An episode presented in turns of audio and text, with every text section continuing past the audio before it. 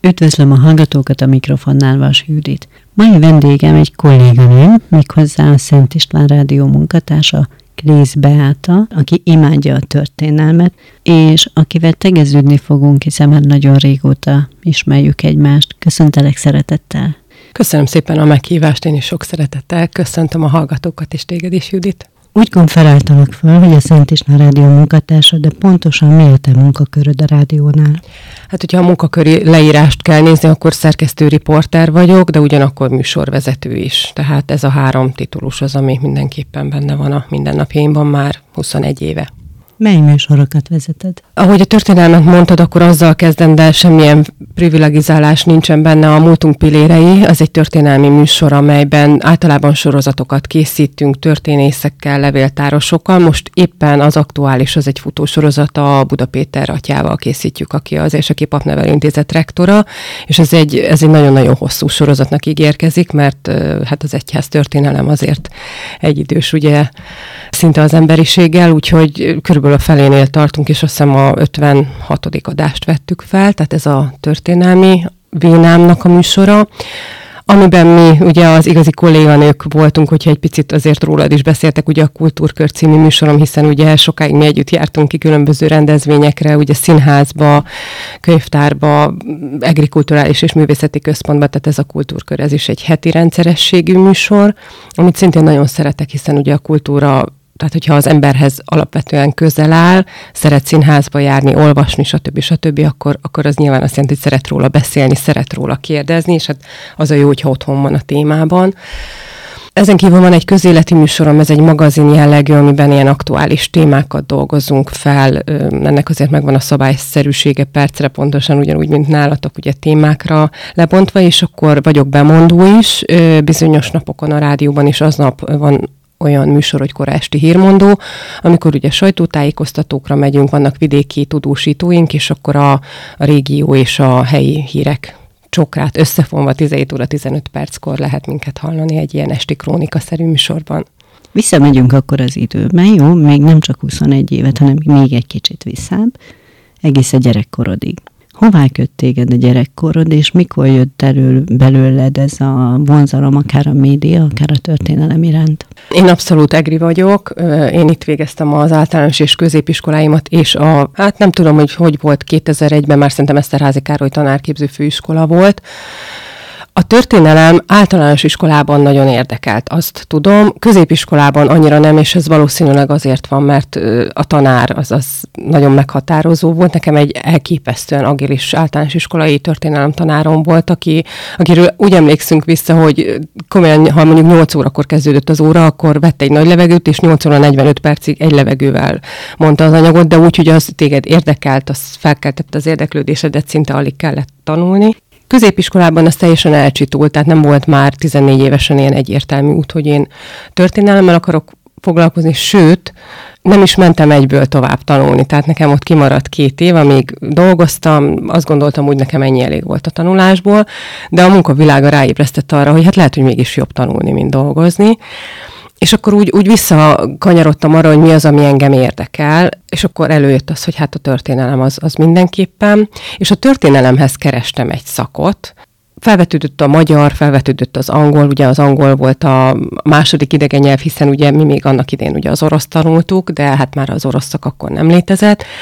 És akkor, ahogy nézegettem az akkori felvételi tájékoztatót, megakadt a szemem ezen a kommunikáció szakon, és megmondom őszintén, szerintem én teljesen tudatlanul vágtam ebbe bele, hogy huha, biztos érdekes lesz, de nem, nem gondoltam, hogy én nekem ez vala az utam lesz. A történelem volt az oroszlán része.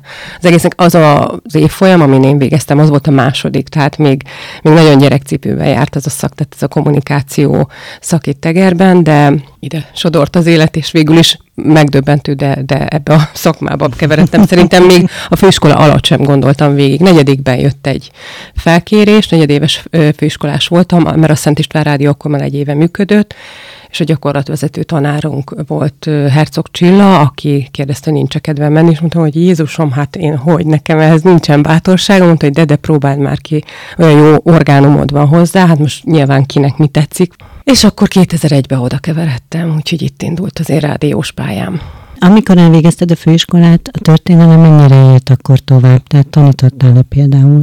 Tanítottam. Én rögtön a főiskola után, tehát már az államvizsgára pocakkal mentem, tehát nekem akkor az első gyermekem megszületett, úgyhogy ott ugye én két évig otthon maradtam, és akkoriban, ahol éltem Andornak, Tájánegertől nem messze egy településen, ott voltam még tanítási gyakorlaton ugye negyedéven, és akkor jött ott egy felkérés, hogy óraadó tanár lennék-e szívesen, és mondtam, hogy hát persze vágjunk bele, tehát, hogy engem a tanítás akkoriban még nagyon érdekelt. És ez, a, ez az óraadás, ez megmaradt négy évig, ugye én a gyesről főállásba visszamentem a rádióba, tehát nekem mindig is a rádió volt a főállásom, de négy évig, amíg az az általános iskola meg nem szűnt, én addig ott voltam és tanítottam a történelmet. Nagyon érdekes volt, de már nagyon rég volt.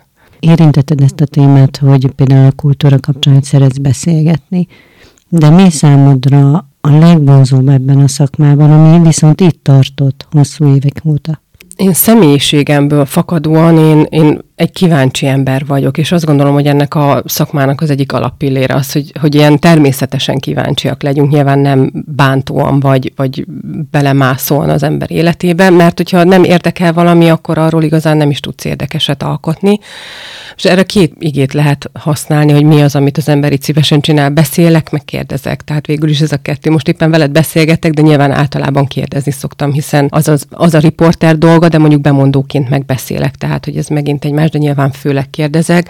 Nagyon jó érdekes emberekkel megismerkedni, nagyon jó érdekes témákat felkutatni, tehát nyilván a történelem szakon is nem tanultunk meg mindent, nem lehetett mindenben elmélyedni. Például én ugye egyház történelmet annyit tanultam, amit mondjuk bárki más felsőoktatásban, és most ebből a sorozatból is nagyon sok mindent megtanulok, de volt már nekem néprajzos, világháborús, 56-os, tehát tényleg nagyon sok olyan sorozat, amiből sokkal többet megtanul az ember, hiszen ezekről mindig újabb és újabb kutatások vannak, amit az nem, nem is lehet követni szinte, és amikor tényleg egy szakember, egy, egy elismert történész beszél róla, akkor én is néha tátom a számot, hogy hú, én ezt nem is így gondoltam, nem beszélve arról, hogy mi még mondjuk a 90-es évek előtt hogy tanultuk, és azért mondjuk ebből mi, mi a valóság, meg mi az igazság.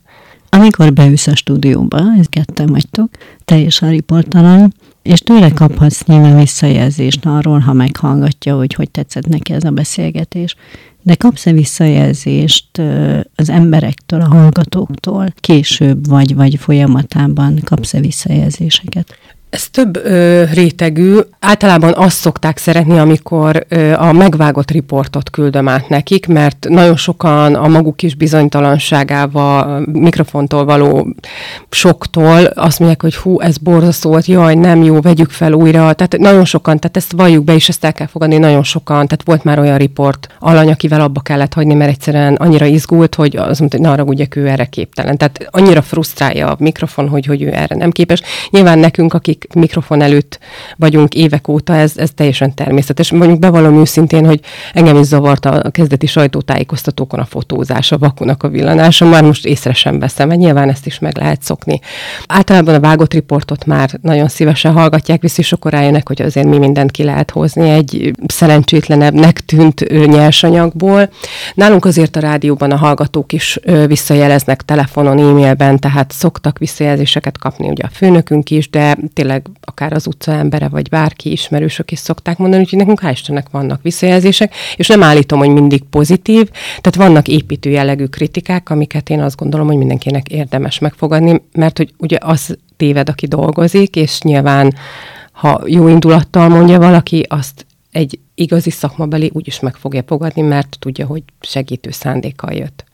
Egy jó riporternek, legalábbis én úgy gondolom, hogy kíváncsinak kell lennie, tájékozottnak, viszont kell egyfajta pszichológiai érzék is, hiszen emberekkel bánsz, és különböző emberekkel, ráadásul valljuk meg, ezt mind a ketten tudjuk, hogy a művészekkel külön kell tudni bánni.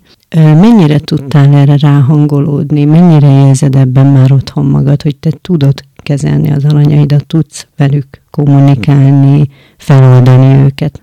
Valóban nagyon sokféle emberrel dolgozunk együtt, és hál' Istennek a kommunikációs szak mellé én egy olyan tanári szakot választottam, ahol nekünk ugye két évig a pszichológia kötelező volt, és én azt gondolom, hogy nyilván józan paraszti észsel is, de azért mondjuk szakirodalomban megtanulva, hogy mondjuk egy személyiségpszichológia és hogy kit hogy kell kezelni. Nyilván nem vagyok pszichológus, de azért valami alapsejtése van az embernek arról, nem beszélve az évekről, meg a rutinról, hogy kihez hogy kell fordulni, kivel hogy kell bánni. A művész emberek, ha már felhoztad, és tényleg nem megbántani senkit, nem csak rájuk, bárkire lehet jellemző, hogy egy kicsit hiúbb az ember, egy kicsit ö, másabb, kicsit fejebb valónak érzi magát, és nem pejoratív mondom ezeket. Mindenkit a maga helyén kell kezelni. Az tény, hogy a pályám elején nagyon sok szorongást okoztak olyan riportalanyok, akik, akikkel úgy gondoltam, hogy nem tudok mit kezdeni, mert hogy mondjuk azt éreztem, hogy le akartak nyomni. Ezt nyilván az évek alatt az ember meg kell, hogy tanulja, és meg kell, hogy erősítse magában, hogy ő ugyanolyan ember, mint én vagyok, mondjuk egy politikus, vagy egy híresebb ember. Néha nagyon jó híres emberrel beszélgetni, mert, mert pont, hogy rájössz, hogy ő ugyanolyan esendő, mint te vagy. Egy-két mondat után már szerintem ezt biztos te is meg tudnád erősíteni. Le lehet venni, na, hogy, hogyha mondjuk A, B, C, D és Z kategóriás ember típusok vannak, akkor na igen, tudom, hogy ő a D kategóriás, és akkor őt, őt egy picit másképp kell. Amúgy a legjobb a hiú embert kezelni, állítom. Tehát, hogy őt, őt, őt a maga, maga szépségével és ön szeretetével meg lehet puhítani. Gondoltál-e arra esetleg, hogy a média más területén is kipróbáld magad? Televízióban nem szeretnék. Engem biztos, hogy nagyon frusztrálna a kamera. Engem nagyon. Tehát ahogy mondtam, hogy a, a kezdeti sajtótájékoztatókon is a vakubillogás és egyebek nagyon zavart, már most nem, mert nyilván tudom, hogy nem engem ez. Hogy engem venne fókuszban csak egy kamera, meg lehet szokni biztosan, ezt is, mint ahogy a rádiózásban is egy csomó minden, de én most per pillanat azt mondom, hogy ha én ezt el akartam volna kezdeni, akkor mondjuk fiatalabb koromban kezdem el. Ahogy mondtam neked, volt már nekem egy ö, másik másodállásom is, amikor én ö, bedolgoztam egy online újságnak, a Kékes Online-nak egy öt évig. Ott témája válogatta, hogy mit szeret tehát, hogy szerettem-e írni, vagy nem. Ami nem állt hozzám közel téma, azon meg is érződött, hogy annyira nem. Tehát, hogy én azt gondolom, hogy a szavak embere sokkal inkább vagyok, mint a tollnak az embere. És erről beszélgettem már újságíróval is, aki megállítja, hogy ő jobban tud írni, pedig mondjuk írásban szerintem könnyebb ö, javítani a, a hibákat, mint mondjuk szóban. Nyilván mi is vághatunk, de nehéz mondjuk egy mondatközi részt úgy kivenni, hogyha tartalmilag nem olyan, az írott szövegből könnyebb kivenni. Ha választani kell, akkor én azt gondolom, de valószínűleg azért, mert hogy ennyi éve vagyok a szakmában, hogy tehát én hozzám a rádiózás elközel úgy, hogy a kommunikáció szakon amúgy tévészakirányon voltam, tehát ez nagyon érdekes, mert hogy mondjuk még 20 évesen azt gondoltam, hogy az milyen szenzációs, hát mi voltunk ugye itt a Városi tévénél gyakorlaton, voltunk Pesten ugye az MTV-nál gyakorlaton, hát az elképesztő volt ott a reggeli adásba becsöppeni, olyan sok mindent amúgy ott nem engedtek csinálni, de maga a látvány, hogy hú, itt mit csinálnak a nagyok, hát azért az nyilván... De én, én nem vagyok annyira az írás embere, én a beszéd embere vagyok. Nem is tudom, hányadik diplomádat szerezted most, pontosan mi ez, és ez tényleg hányadik? Ez a harmadik. Sőt, hogyha úgy veszük, akkor inkább ö, azt mondom, hogy a második, mert ö, ugye az első, az a kommunikáció történelem, az egy főiskolai, még a négy éves képzéssel volt. Utána én történelemből egy mesterfokozatot szereztem, de hát ez tulajdonképpen olyan, mint hogyha mondjuk annak idején egy történelem egyetemet végeztem. Jó, de arra is tanulni kellett, Persze, vizsgázni kellett. Nyilván, sőt, akkor kellett nekem nyelvvizsgáznom is, mert ugye nekem még az első diplomához nem kellett, és emlékszem, 39 éves voltam, hogy beadtam a jelentkezésemet, és akkor még megvolt ez, hogy 40 fölött nem kell. Hát persze én a 39 éven már kénytelen voltam egy nyelvvizsgát csinálni, akkor angolból. És az az igazság, hogy mivel ilyen régóta én a pályán vagyok, nekem vannak ilyen periódusok az életemben, hogy sosem jutottam még el oda, hogy én kiégjek, és nem is akarok eljutni, de hogyha nekem nincs valami plusz inger az agyamnak, amivel én trenírozom az agyamat, akkor valószínűleg úgy, úgy nem jó irányba mennének a dolgok, és nekem ez mindig a tanulás volt, vagy esetleg mondjuk egy másodállás, ami volt ugye az óraadás, vagy pedig én is online újságíróskodtam évekig, és akkor a történelem után most volt ez két év, hogy azt gondoltam, hogy na nekem megint tanulnom kell. Csak ma ne Egerből legyen egy diploma, hanem akkor, akkor lássunk nagyvilágot, már hogy a gyerekek nagyobbak, mertem én is felülni a vonatra és elindulni máshova, úgyhogy most én a, a, az eltén szereztem a Társadalomtudományi Karon egy közösségi és civil tanulmányok mesterszakos diplomát, de most itt szent fogadalmat ezek, hogy soha többet sehol nem akarok tanulni, mert már az idegeim ezt nem bírják. Német majd lecsitul, és akkor megint érzed a hiányérzetet az agy, Most azt mondom, hogy nem. Most azt mondom, hogy nem, de ugye soha nem mondta, hogy soha, de most tényleg azt mondom, hogy ennyi elég volt így család és munka mellett. És ebben mi motivált egyébként, hogy ezt a szakot elvégezd? Érdekelnek a közösségek, érdekel a civilség, ami mondhatjuk azt, hogy ö, teljesen távol áll kommunikációtól, vagy a rádiózástól, vagy a történelemtől, de ugyanakkor mégsem. Nekünk például megint visszacsatolva a kommunikáció szakra, nekünk a négy évből két fél évig, tehát egy évig volt szociológia, általános és média szociológia. Én borzasztóan szerettem azt a tárgyat, csak soha nem gondoltam, hogy én ezzel fogok még foglalkozni, és volt nekünk a nagy Andorka Rudolfos nagyon vastag bevezetés a szociológiába könyvünk, ami most ugyanúgy használtam a tanulmányaimhoz, ugyanazt a 97-es kiadást, és tulajdonképpen ez is társadalom történet, ami szintén ugye a történelemben is benne van, közösségekkel való foglalkozás, szociológia, értsük meg a mai világot, értsük meg a közösségeket. Én azt gondolom, amúgy ez a közösségiség Európában meg Amerikában még nagyobb teret bír magának, és hát remélem, hogy azért Magyarországon is még inkább el fog indulni. Ez a szak 10-12 éve indult el, én nem tudom, hogy Egerben van-e más valakinek, és most ezt nem dicsekvésből mondom, csak hogy tényleg, tényleg én is olyan ismeretlenül bukkantam erre a képzésre. Nincsen kiforrott tervem még ezzel. Egyelőre ez ilyen agytrenírozásnak indul, de, de bármi, ami ezzel kapcsolatos elindíthatna, és nem, nem mondom, hogy szívesen itt hagynám a rádiózást, de azért a 21 év az 21 év. Az sok. 22, most úgy 2001-től 2023, ez 22 évem is jól mondtam a számokat. Igen, de ahogy te mondtad, mindig új emberek jönnek, mindig új riportalanyok, új témák, de tud ez frissülni, de persze az ember azért egy idő után keres új kihívásokat. A hit az milyen szerepet tölt be az életedben? Én nem kaptam vallásos neveltetést gyermekkoromban, nekem a dédmamám volt nagyon vallásos, a templomba járó. Hát ugye a nagyszülők még az a generáció voltak, akikből ugye kiirtotta a rendszer a, a vallásosságot, a szüleim sem, sőt, én arra emlékszem, hogy általános iskolában nálunk volt olyan, akinek beírták az ellenőrzőjébe, hogy templomba járt, tehát hogy az, az, az, az a megbélyegzett időszak volt még a 80-as években, de mivel mi nem jártunk, ezért ez így nem érintett.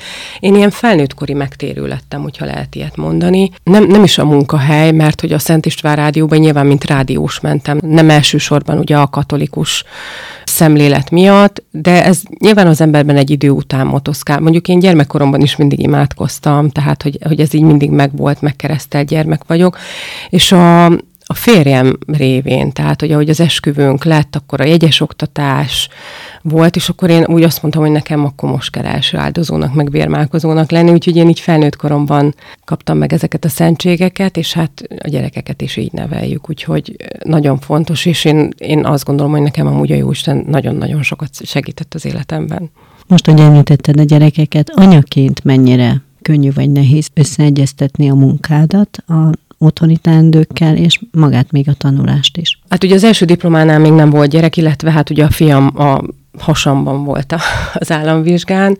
A törimester szakot azt úgy kezdtem el, hogy a fiam nyolcadikos volt, a lányom elsős, és akkor mondtam is, hogy na hát elsős, akkor te is tanulsz, anya is tanul. Tehát valahogy, valahogy egy ilyen körindult el, az egy kétfél éves képzés volt. Most, amikor az eltét elkezdtem, akkor a fiam másodéves egyetemista volt, és ő is Pestre jár, de ő a közszolgálati egyetemre, tehát teljesen más irányba. A lányom pedig ő, akkor volt hetedikes, és akkor úgy gondoltam, hogy már elég nagy, tehát hál' Istennek azért nyilván a nagyfiammal már nem, a lányommal meg megint nem kellett tanulni, mert elég önálló, tehát ebben nagyon ritkán kért segítséget, hál' Istennek nagyon jó eszű gyerekek.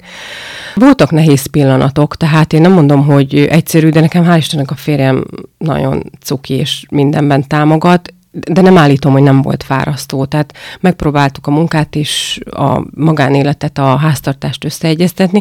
Mindig volt otthon főtétel, tehát erre nem panaszkodom. Most az államvizsga előtt mondjuk bevallom, két hétig rendeltük a kaját, de tehát azért ez fontos, hogy, hogy a saját főztünket együk, illetve de ebbe mondjuk a férjem is segít, úgyhogy össze lehet ezt hangolni, meg most már nyilván könnyebb, sokkal könnyebb, de amikor benne voltam, azért voltak kiborulások, meg nehéz pillanatok. Hát azért már egy 40 fölötti embernek nem olyan a teherbíró képessége, mint mondjuk egy nappal is 20 évesnek. Én azt gondolom, legalábbis nálam nem, nem úgy működik. Téged nem csak munka szempontjából vonz a kultúra, és nem csak olyan téren vagy rá kíváncsi, hanem a szabadidődben is. Ha jól tudom, nagyon sokat jársz különböző kulturális programokra. Mi az, ami igazán vonz? Én nagyon szeretem a jó színházi előadásokat, tehát nagyon-nagyon-nagyon, tehát imádom. Egerben is járok nyilván a munkából, tehát hogy nem lenne szép, illetve nem is lenne hiteles egy olyan riporter, aki nem ismeri azokat az előadásokat mondjuk itt Egerben, amikről riportot készít. És nyilván van, hogy előadás előtt ugye úgy készítjük el a riportot, hogy csak a fejünkben megfogalmazott kérdések, de hál' sokszor van, hogy utólagosan is tudok beszélni. És egy érdekes példát, készítettem riportot, pár hónapja ment a színházban, az mondjuk éppen egy táncelőadás volt a szerelem, ami ugye a Gégi Tánceger volt, és nagyon megragadott a zenéje, ugye az egyik zeneszerző, ugye a Ród zenekar volt, és nem is értettem az elején, hogy egy rock zenekar hogy, hogy fog a kortárs tánccal egyben ö, fúzionálni. És ahogy én megcsináltam előzetesben a riportot, miután megnéztem az előadást, azt mondtam, hogy nekem le kell ülni a GG Tánceger vezetőjével és a Ród zenekar vezetőjével, hogy na most akkor így, vagy én láttam, meséljétek el, hogy hogy volt, és elképesztő volt tényleg látni, hogy, hogy a agyon tetovált vadnak tűnő ember, de amúgy egy nagyon jámbor, ugye a Máté a Ródnak a vezetője, és a Topolánszki Tamás hogy találnak egymásra. Nekik már volt egy korábbi beszélgetés, csak tényleg egy mondatban, amikor is az egyik dalukhoz készült egy tánckor koreográfia nagyon illet hozzá.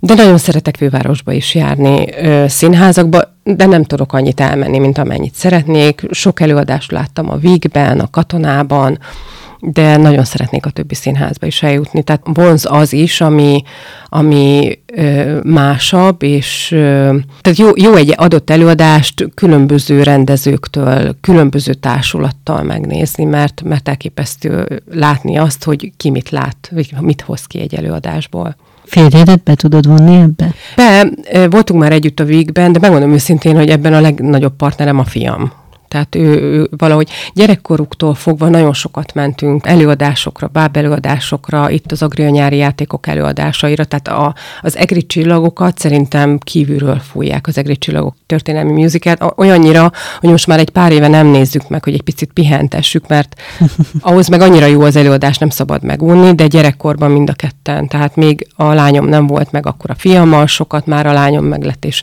mind a kettőnknek más tetszett belőle, úgyhogy ez bennünk nagyon bennük van, hogy hogy imádják az előadásokat, úgyhogy a pesti előadásoknál a partnerem a nagyfiam.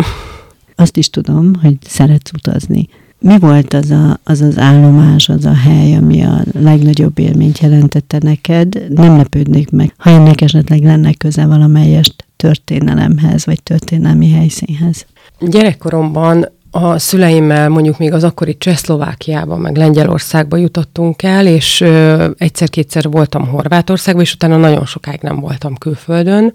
És ahogy úgy az élet hozta meg, már ö, nagyobbak lettek a gyerekek, egy 6-8 éve volt az, hogy az első állomás, am, amit elindítottunk, mert azóta rendszeres utazók vagyunk, az Róma volt. Tehát az volt nekem a nagy álom. Hát nyilván az antik Róma, az, az egy történésznek, azt nem kell elmondani, hogy mit jelent ez a no words needed kategória, kategória. Arra emlékszem, hogy amikor Rómában kijöttünk abból a metróból, ami ugye a Kolosseumhoz vitt, hát akkor így elsírtam magam, hogy nem hiszem el, hogy én ezt így általános közép és felsőfokú tanulmányok után én ezt élőben Mindig látom. csak a tankönyvlapon. Mindig csak most. a tankönyv képei láthattam, és hogy atya ég, hogy ez milyen élőben, szóval elképesztő mindig olyan helyet választunk, a, és hál' Istennek ebben is partner a férjem, a, aminek tudjuk, hogy van történelme, kultúrája, rengeteg látnivaló, de ez nem azt jelenti például, hogy tengerpartra nem megyünk, de tengerparton is olyan helyeket keresünk, ahol van felfedezni való. Tehát én azt el nem tudnám képzelni, hogy én egy hétig egy all-inclusive szállodába tényleg csak feküdjek. Biztos, hogy jó lehet az is annak, aki nagyon elfáradt, és tényleg csak a pihenésre vágyik, az nekem szerintem két napnál tovább nem menne. Azon gondolkodtam, miközben hallgatlak, hogy egy jó ideje ismerjük már egymást, és én úgy ismerlek téged, meg akárszor találkozunk, mint egy végtelenül kiegyensúlyozott embert, mint aki úgy békében van önmagával, de lehet, hogy te most látom is látszodon, hogy ezt meg tudod cáfolni, de ezért jól érzem, tehát van benned egy ilyen belső harmónia, egy olyasmi érzés, hogy én most jó helyen vagyok. Biztosan van, mert alapvetően nincs okom panaszra. Tehát tényleg egy, egy nagyon jó házasságom van, ami a legfontosabb, egy nagyon, nagyon két imádni való gyerekem, tehát mit kívánhat egy nő 40 fölött, mint hogy legalábbis nem mindenki, de én erre vágytam, hogy család legyen gyerekekkel, és ez nekem megadatott, hála Istennek. Kutyám van? Kutyám is van május óta, akit szintén imádunk, csak nem hagy aludni, de hát ez más kérdés. De hazudik, aki azt mondja, hogy, hogy ez a kiegyensúlyozottság, ez állandó tud lenni. Ahogy mondtam, tavaly is ö, voltak, mondjuk a tanulmány, én túl komolyan vettem, tehát valószínűleg nem szabad ennyire komolyan venni, csak mi még az a generáció vagyunk, akik, akiknek úgy tanulni kellett komolyan menni, és aki így születik, és így él, és így szocializálódik, az, ha 90 évesen ül be az iskolapadba, akkor is komolyan fogja hát meg lehet, hogy te alapvetően is egy maximalista vagy precíz ember vagy. Hát igyekszem, igyekszem jól teljesíteni, de nyilván nem, nem jön mindig össze, tehát mindenki hibázhat, bármi is lehet, de a, a magam képességeit és energiáit mindenbe szeretem százszázalékosan belefektetni, csak más kérdés, hogy ez, ez az energia ez néha elfogy. Tehát én nem állítom, hogy nincsenek amplitúdók, vannak azért amplitúdók, lehet, hogy mindig jó passzomban találkozunk, ezt nem tudom. Nagyon fáradt vagyok, tehát sokszor vagyok fáradt, nem alszom eleget, és ez nem a munka miatt van, hanem, hanem mondjuk lehet, hogy nekem este jön ki, vagy a kutya miatt, igen. hogy este jön ki mondjuk a feszültség, amit mondjuk más békésen tölt alvással, és lehet, hogy nekem este inkább az, az nem annyira. Tíz év múlva hol és hogyan képzeled el magad? Fogalmam sincs. Olyan szinten vagyok tervezős ember, hogy ilyen maximum arra az évre, vagy egy pár hónapra előre, de az, hogy tíz év múlva az, amit már akár gondolhatok, hogy én nagymama leszek például. Nekem a fiam ugye 22 éves, tehát benne van a pakliban, hogy nagymama leszek, és nagyon érdekes, hogy amúgy már szerintem így az embernek így ötvehez közel ez így megvan ez, a, ez az ösztön, hogy szoktam olyat mondani, hogy na majd akkor ezt majd meghagyom az unokámnak tök hülyeség, mert a lányom meg még csak 14 éves, meg a fiam 22, tehát még most ne, tehát még most ne. De belegondolunk, tehát az én nagymamám 42 évesen már, már nagymama volt. Mm. Ne, nem azt mondom, hogy én arra vágyom most, hogy én egy éven belül nagymama legyek, de hogy mivel már a gyerekek nagyok, és szerintem egy anyában annyira erős az anyai ösztön, hát most valószínűleg a kutyámban élem ki, vagy nem tudom, mert őt még lehet babusgatni a nagy gyerekeket, már nyilván annyira nem. Volt, hogy játékokat pakoltunk, hogy egy kicsit rendezzük a szobát, mert festettünk, és gondoltam, hogy hát ezt nem szabad kidobni, de hogy hát ez majd, ezzel majd én játszok az unokámmal, amikor itt lesz, persze, hát erre már készülni kell, igen. De, de például a szakmában fogalmam sincsen, tehát elképzelni nem tudom, lehet, hogy itt leszek még a rádióban, lehet, hogy teljesen máshová visz az élet, de nincsenek olyan terveim, hogy hú, átigazolok a BBC-hez, vagy nem tudom, a Nemzetközi Vörös Kereszthez, mint szervezet, civil szervezethez. Drága be, egy élmény volt veled beszélgetni, mint ahogy élmény nálad riportalanynak is lenni. Köszönöm szépen, hogy eljöttél hozzánk. Ezt azért még mondjuk el a hallgatóknak, hogy eddig ö, csak te voltál nálam riportalany, ugye, mert a kultúra szerelmese 2.0 verzió Vas Judit, és ugye annyiféle kulturális szerepkörben itt vagy a városban, hogy én nekem meg feladatom, hogy ezekről tájékoztassam a hallgatóságot, úgyhogy eddig te voltál nálam, most én voltam nálad, tehát köszönöm a meghívást. De egyébként hogy érezted magad? Nagyon jól, tehát nekem én, én furcsa az, hogyha nem én kérdezek, de, de jó néha magamról beszélni, úgyhogy én jól éreztem magam, köszönöm. Köszönöm én is még egyszer. Kedves hallgatóink, Önöknek megköszönöm a figyelmet, Kléz Meátát és Vas Juditot hallották. Tartsanak velünk máskor is, viszont hallásra.